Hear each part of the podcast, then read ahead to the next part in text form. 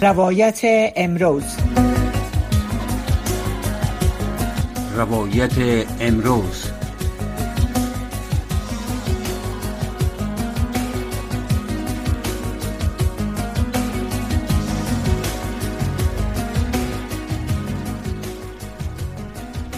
شنونده عزیز تو که بر شما گفتم برنامه روایت امروز با یک کسی که با آوازش و کارهایش شما بسیار آشناستین از قدیم الایام وقتی که نوجوان بود و بگویم پایینتر از نوجوانی کارهای هنری را آغاز کردن. از یک فامیل بزرگ هنری هست.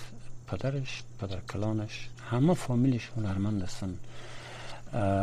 از ایام جوانی به تمثیل شروع کرد به نقاشی شروع کرد و بعدا هم به تصنیف سازی. حشمت امید هنرمند ورزیده و توانای افغانستان نویسنده و تصنیف نویسنده تصنیف همطور که گفتم. هنرمند تئاتر رادیو و سینما. صدای ما رو شما میشنید آقای امید؟ بله بله سلام. سلام سلام. سلام. سلام. من چی رقم بگویم که جناب عزیزاده یا بگویم احد جان به خاطر این دوستی پینجا و پنج ساله ما بله. نه ما همون اولش درست است.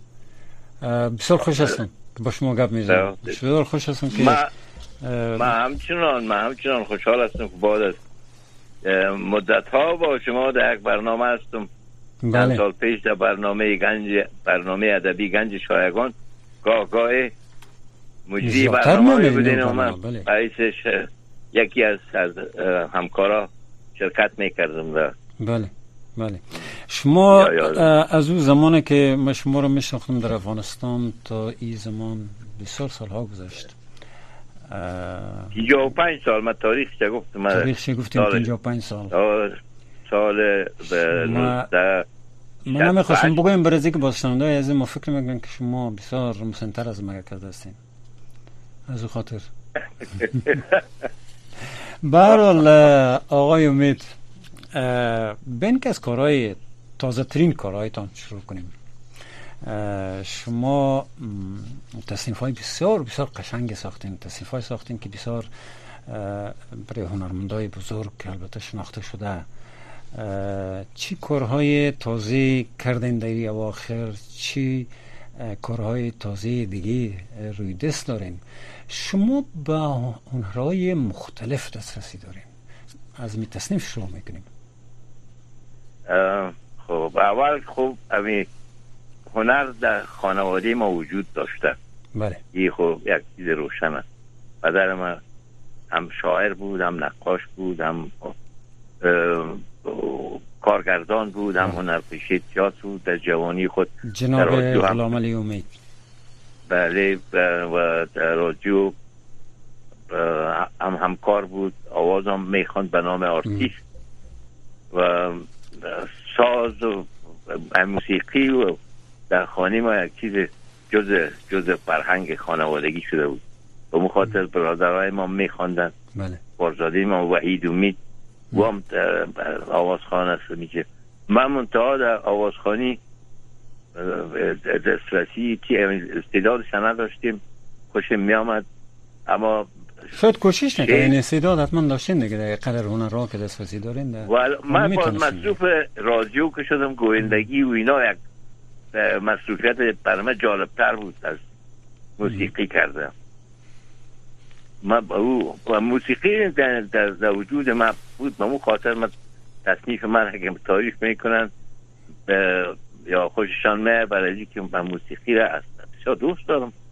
موسیقی برای من که میگن غذای روح هست.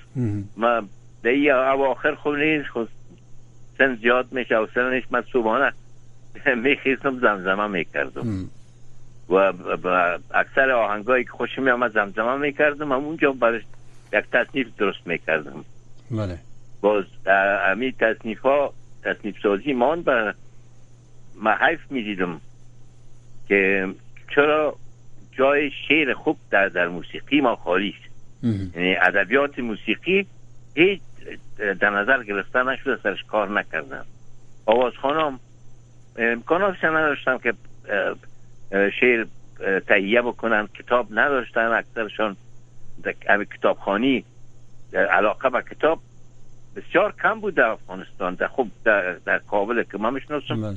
چند خانوادی بودن که کتابخانه داشتن. کمتر. کتابخانه شخصی کتابخانه عمومی هم کمتر بود بله؟ بله بله. دیگه در دیگه خانه بعد جایش کتاب دیوان حافظ بود سعدی بوستان گلستان سعدی بود. یا مثل دیوان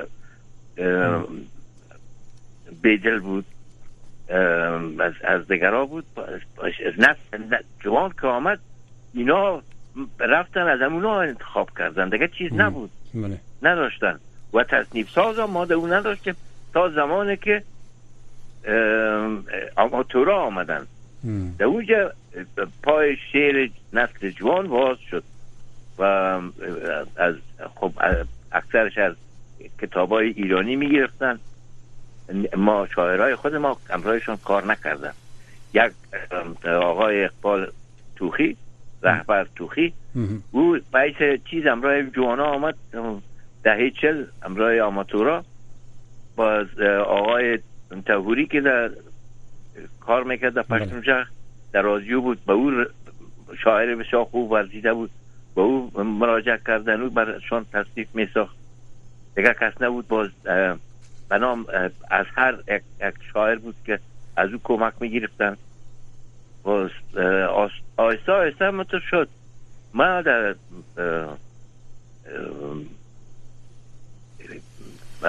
پسان من پسان هم نبود. من اون وقت 25 سالم بود 26 سال بود. شما ولی شما از خوردی آمدن به رادیو شروع کردین. از دسترسی به هنر داشتین درام دیالوگا داستان های دنبالدار با هنر کار می‌کردیم بله. ما ما شوق نویسندگی هم داشتم. چندین داستانم داستان های دنبالدار نشته کردم با مرحوم باختری هم یک جای. ما کار می‌کردم چون چی داشت؟ لرزش دست داشت. بله. نمی‌تونستی بنویسم مرا وظیفه دادم که تو بنویس. باز همراهش که کار کردیم و زیاد شدم و همکاری ما چند سال بود. که داستان های دنبالدار همراهش کار می‌کردم. چیزی گای ایده از من بود گای از خودش یک رقم پرورش می‌دادیم دیالوگا رو می‌کردیم ما با اون خاطر و با موسیقی فقط میشنیدیم خوشم میامد بر. وقتی که اوضاع چیز خراب شد تیره شد. بله. اوضاع سیاسی و اختناق آمده در رادیوم ما احساس خفقان می‌کردیم. چیز نبود. اگر حزب حاکم شده بود و بله. باید هنرها کلش در خدمت حزب می بود هر چیزی که می ساختن باید یک, گوشهش با حزب تعریف و تمجیز می بود. اینا. ما اون تصنیف زندگی افسانه جدایی اون رو شب و روز بله. با داستان دراز داره. خب بالاخره با تمام شد برای احمداری دادم میشناختمش بسیار سمیمی بودیم. بعد از اون اولینم بود. باز پسان یک, دوست ما دیگه. در غیاب ما گفته بود فکر کرد که البته مرده کجا در کجا باشه نمیشه. گفته بود یه ما ساختیم. کسایی که شاهد بودن بله. خدا آمد بریا زنده است و فریده جان انوری او را ثبت کرده. کریجمت توری اونجا بود. نام مرا که نشته نکردن به خاطر که من مغزوب بودم از طرف دولت از طرف عبدالله امین که دشمن شوهر خواهر ما بود. دکتر زرغون به او خاطر از گرفتن نام من خودداری کردن و برای من گفتم که امیر اگر نام تنشته بکنیم در زیر زمین این می آهنگ هم قید بشه هیچ نکن ما هم گفتم مو آهنگ هم برام بسیار زیاد گل کرد آهنگ بسیار بسیار تا به حال اینه بعد از چلو پنج سال هم وقتی که می‌خوانه چلو شش سال شد وقتی که آمد جان میگه می‌خوانه هنوز هم طرفدار دارم هنوز هم از امور فرمایش میدن او کار اول بود باز چندین تصنیف دگام ساختم و امو اول که تشویق شد من از زیادتر چی ساختم؟ شوق من بیشتر شد که همی کار بکنم. حسان در آلمان که آمدیم بازم امرای آمد جان کار می‌کردم. باز امرای صابر شیرزوی کار کردم. اینمی تصنیف برای خود یک چیز مسئولیت پذیرفتم خودم. من باید برای ادبیات موسیقی کار بکنم. زبان نو باید به حرفای نو به زبان نسل باشد درد نسل امروز باشد بر از اونا قابل پذیرش باشد. نه که همون شعرهای کلاسیک قدیم بخونه به ربط و به آهنگ. اصلا از نظر محتوا باید شعر زبان اونمو آهنگ است که میگن. و مثل که بطن یک کس لباس می‌کنین اگر مناسبش نباشه هیچ زیونده نیست. آستینایش مثلا دراز باشه پاچایش کوتاه باشه یا تنگ باشه یا دیگر این شعر همون حیثیت داره برای آهنگ. باز زیاد زیاد شده که من از از 180 بالا رفته. شاید 90 باشه.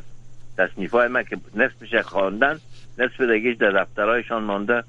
از کار کمرای رحیم مهریار مرحوم کردم. و چهار سیدی سال آخر زندگی خود می‌فهمید که مریض است و مریضی علاج ناپذیر است.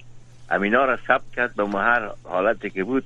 برای ما زنگ می‌زد مشنوان می‌گفتم بیخی درست شده. کامل بازو را ثبت می‌کرد. اونا را ماند و خانمش یک ناجوانی همراهش کرد که باید اون وقت میکشیدش. آماده برای بیرون شدن. اگر یک ماه دیگر زنده میماند. امی کار خودش می‌کرد. اما عجل مولت مولت ندادش رفت دوان شاد باشه. امی دوام دارم امرای آمد ولی جان رفت امریکا و ارتباط ما کم شد. باز امرای صابر شیرزوی چند سال کار کردم. او هم در حدود چلو پنج پینجا تصنیف برش ساختیم که یک در در دانش تانسته که پیرو بکشه. تصویری بساده تصویری داره. اما او نتانست که تصویری بساده و اینترنت بانه یا دی وی دی ثبت بکنه. بعد از امرای ایسان جان امان کار کردم. امرای هویدا شروع کرده بودم اما از دست ما رفت. من دو تصنیف برش ساختم. یعنی تا یک هفته پیش از وفاتشان امرای من تلفنی در یک تصنیف قدیمی که بود گفت من یک آهنگ قدیمی بود گفت من بسیار دوست دارم برای یک تصنیف دیگه بستاد همون کارم کردم. اما نرسید دیگه باز امرای استانجان همان کار کردم. دو سال تقریبا و او هم در حدود سی و سه تصنیف شد. از اونا یک سه چهار دانش بخرم در, در یوتیوب است. باز امرای امرای برادر ما مسعود جان هم امرایش بر از هم تصنیف ها تیار کردم. باز ایدر جان سلیم امرای عزیز همی چهار سال آخر امرای عزیز کار کردیم و برای چون حالت فرصتم زیاد از کار نمی کنم حدود سی و پنج آهنگم اطلاف شده. درست کردیم. حالا امرای بلا جان ما و کار می‌کنم. از رو از رو مطالعه نشنیم آهنگ که ساخته باشیم. تازه ساختین؟ برای کی؟ برای ما بلای ما بود. او نیو هفته پیش امرایش چیز کردیم. تماس داشتیم یک ماه پیش اما من کمک تکلیف داشتم نمی‌تونستم. و بعد جای شد در پاچاداری بود و هیچ چیزا فضا از نبود. با هفته پیش برش درست کردم دادم بسیار خودشم راضی است. ما سرش کار می‌کنه که باز برای از در جان خب. پنج شش دارم تصنیفات مانده قابل میدم از ما جان به خاطر پرسان کنه که دوست بسیار خوردی و نوجوانی است ارجه باش آه ما جان ما می‌شناسم. من صدایش بسیار دوست داشتم در مقابل هم بسیار مستانه می‌خوان بسیار با حال سر حال و آواز گیرا داره. حالا همون صدای مقبولش هست. جوانی خب میره آدم در سنای بالا اما آواز میمانه آوازش مونده گفته فروغ است که فقط صداست که میماند. خود آدم استخانه ما درد می‌کنم و صدا قوت خود نکنه و شرط که تمرین باشه میشه آقای مید اگه به گذشته بریم کمی از تصنیف سازی شما بریم به رادیو و تیاتر شما در تیاتر هم کار کردین با خصوص چند درام و نمایشنامه را در مرکز فرنگی سفارت امریکا کار کردین. آقای جفایی فکر می‌کنم دایرکتر بود. می‌تونین در اون نه دایرکتر دایرکتر هر دو نمایشنامه یک امریکایی بود به نام جان الی. جان الی. آها. بله ما رو در پانتون کورسا می‌کرد. بله. او دایرکت می‌کرد. یکی را امرای فریده جان برای که امرای ما نابلد بود خود فریده جان انوری در دایرکت کمک کرد. او برام در چنگال مورفین یک نمایشنامه بود که نمایشنامه سرگذشت یک سرباز که از جنگ ویتنام پس آمده و معتاد شده و مشکلش همین که نمیتون از چنگال مورفین نجات بیافت. بله. اصلا نام انگلیسی از او هسپل آف رین بود. کلاه پر از باران. بود از روی همین کلاه بوریایی که در آسیای دور مخصوصا در ویتنام و همون مناطق می پوشن از بوریا می سازن مثل کلاه قیفی. که بله، بله. آب آب در کلاه یعنی در کلاه بوریایی می‌خوای او بری خوشکاف چکاف است یک تنز یک کنایه بود به جنگ ویتنام که در جنگ بازنده میشین. بازی سرباز نه من اون نقش زور کار کرده بودم. امرای مشهد هنریار روان شد امرای سینت گلچینیار و چند هنرپیشه که نقش کوچک داشتن ابراهیم گم شده بود. برادر ستار جفایی ظاهر نامش بود. یک, یک تو دوست بودن. اینا نقش های کوچک داشتن. آقای چیز بوده؟ نقش پدر بازی می‌کرد. آقای یوسف زاده مرحوم یوسف زاده بود. یوسف زاده بله. ما ما ما, ما قاسم یوسف زاده. او نقش بازی می‌کرد. این نمی بود. بعد از یک کمیدی هم بازم مشهر بود. زمان شاد باشه همراه زینت جان گلچین. یار وقت نگو باز پسان گلچین شد. و موبا جان جباری. و یک نقش کوچک هم او. آقای قدیدی بازی کرده بود. برای چند دقیقه در نقش داشت. یک کمیدی بوده کمیدی امریکایی بود به نام پای برهنه در پارک. ما ما او را بسیار موفقانه کار کردیم. ما باز فیلم از بعد از اینکه این نمایش گذشت گفتنی در فیلم امریکا فیلم ساختن. رابرت بود کار کرده بود. رابرت بود و جین فوندا. اینا همون رو باز دیدم دیدم که نه از ما جالبتر بود. مرزی که تماشاچی ما بسیار میخندیدن و از, از نمایش لذت میبردن. در فیلم تو نبود. من جای خندهش من زیاد نمیفهمیدم. ای, ای چرا یه قدر کمدی نیست مثل که ما همی کار کردیم. موضوع فرهنگ و زبان هم بله؟ بله؟ موضوع فرهنگ و زبان و اصلاحاتی که استفاده میشه در هر زبان. بله. او خودش هم تاثیر پذیری داره. امی زبان ما استعداد زیاد داره برای برای تنز ما در زبان فارسی تنز مثلا تنز منظوم ما بسیار زیاد است و بسیار خنددار هم است اما به خاطر رعایت ذوق و سلیقه مردم و مسئله باورهایشان این در افسوس در جامعه نبرامد مثلا تنزای منظومه که بود بله. بازایش ماند. تنها تنزای سیاسی که می بود که پدرم دمی به نام عجب خان و رجب خان تنز منظوم بله. که نشر می شد در جواندون در, در رادیوم یک وقت نشر می شد همی عجب خان و رجب خان اگر یادتان باشه. هلال محروم مرحوم بود که نقش من فکر می‌کنم خانه داشت باز یک وقتی من باشه یک چند برنامه کار کردم. یعنی از طریق رادیو شروع شده بود. ما باز در آلمان 20 سال پیش تقریبا یک مصنوی بلند بالا را شروع کردم سر داستان عجب خان و رجب خان. ما او تو ساختم که اینا میان پناهنده میشن از کشور ببراین اول همی برآمدن از اینا با مشقت رفتنشان پناهنده شدنشان به کشور همسایه در پاکستان و از اونجا به چی رقم ببراین میان اروپا. این خودش یک داستان هم, هم تراژدی هم کمدی. اما ما در حدود نزدیک به 600 بیت شده او. هنوز باید دوام بتم باز نشد. من کارم دمو دمو نبود ساحه که ما بودم رفتم هالند کار کردم برای کار. از اونجا باز خلاص شد. ایتالیا رفتم در سوئیس رفتم. تقریبا دو سال در اونجا می آمدم خانه می آمدم باز می رفتم برای کار. به او خاطر اما آرامشی که داشتم در او وقت و که می آمدم شب هر وقتی که فرصت می کردم امور چند بیت به او اضافه کرده می رفتم او هست باید تمامش بکنم. اونمو داستان عجب خان و رجب خان خیلی که کار خوب میشه. متاسفانه که تئاتر و سینما در خارج از افغانستان بنا به مشکلاتی که هست توسط افغان ها البته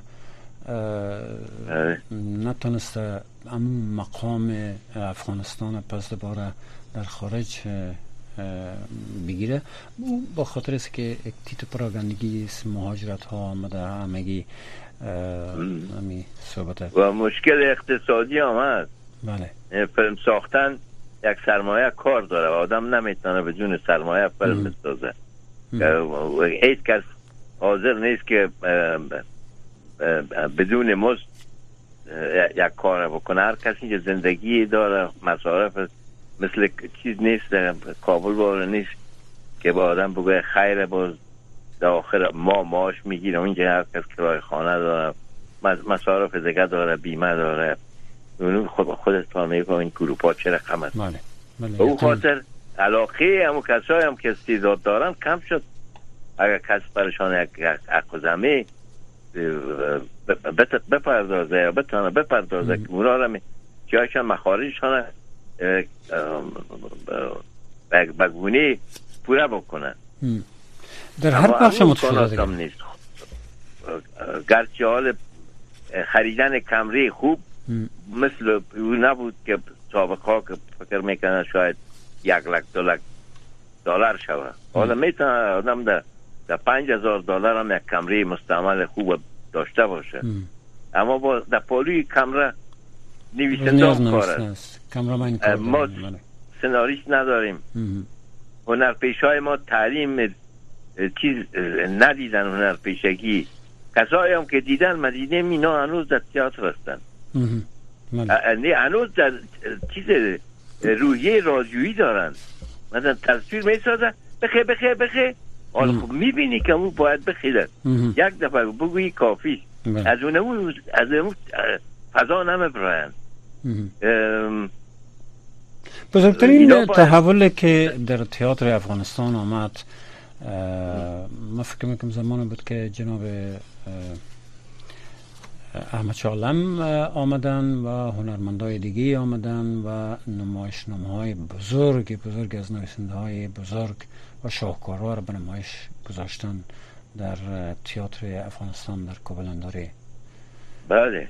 او وقت ریاست ثقافت و هنر می گفتن بله. همین کابل ننداری زیر نظر از اونا کار می شد و آقای علم بسیار زامت کشیده اونجا. بله. یک ماه دو ماه روی یک نمایشنامه هر روز تبرین می‌کردن. مفتش بود. بهترین او بود مفتش. و دیگه که من ندیده بودم. برای که باز من رفتم به خدمت سربازی از از سای هنر دور رفته بودم تا که دوباره آمدم باقی خدمت خود در کابل در گارد جمهوری و یک چند ماه شده وزارت دفاع تیر کردم. در اونجا باز من خدمتی برای رادیو خدمتی گرفتم. من فقط می رفتم اونجا آزیدی می دادم. برای کار میامدم رادیو میامد در اونجا با آقای علم در, در رادیو هم کاری کرد. یک نمایشنامه به نام موشها و هم باش کار کردیم. باز اوضاع تغییر شد تغییر کرد. سیاست تغییر کرد. حاکم جایشان تبدیل شد. باز همین هنر رفت از نظر افتاد بله باید باید چیز می بود در خدمت هست می بله. شما پیشتر گفتین عجب خان و رجب خان هم مصروفش هستین بودم 20 سال پیش 20 سال پیش. با حالا شاید بتونم این فرصت زیاد دارم. شیشتیم خانه هستم. می‌تونم اما یک بارم چیزهای دیگه است که اونا رو خلاص بکنم. تصنیف ها تصنیف هایی که زیر دست دارم. چندین نفر منتظر هستن از دوستای آوازخانه بله. هم یک چیز من برای هر کس نمیستازم نه نه ساختیم نمیستازم ما برای اونایی که می‌شناسم و می‌فهمم که توانیش از دارن و خوب می‌خوانن برای از اونا می‌سازم. بازم می‌خوانن همونطور سرسری به احساس اونا ما او کار نمی‌کنم نسل جوانم من می‌خوایم کمکشان بکنم اما گپشنم هم باشن. آدم هم باشن کار می‌کنن مخصوصا من تقیب کنن در مورد تلفظ ما یک زبان استاندارد داریم در افغانستان. حال نامش ماندن فارسی دری بله بله. اما فارسی افغانی. بله. اما اون تلفظ ما استاندارد است. حتی خود پرویز ناطق خانروی در مقدمه کتاب خود در تاریخ ادبیات و در دستور زبان. بله. در او تحقیق گفته که بهترین لحجه و تلفظ در کشور افغانستان است فعلا. بهتر از ایران و بهتر از تاجکستان. یعنی فارسی ما استاندارد اما باز تلفظ بیگانه را می‌خواهد در اینجا جای بتن. ولی آقای امید رقمی که زایر ویدا خونده زایر ویدا فقید. شتاب کن که زمان با شتاب میگذرد. وقت ما متاسفانه به پایان می‌رسن اقل شتاب کردیم که همه موضوعات صحبت بکنیم. ولی حدود کنیم دقیقه وقت از برنامه ما مونده. صحبت های شما بسیار بسیار جالب است ولی نامکمل مانده برنامه به این تو وعده کنیم که در یک برنامه دیگه روی کار شما کارهای بسیار زیاد کردیم من می‌خواستم شما چیزای دیگه هم بشنم او صحبت ها مطرح نشد. اما اگر کنم وقت فرصت شد حتما. از این نمی قسمت از این قسمت شروع می‌کنیم با دیگه سوالایتان بکنیم. بسیار خوب بسیار خوب. بسیار زیاد تشکر. شما سلامت باشین. عمر طولانی و تا دفعه دیگه بخیر بگم انشاءالله خدا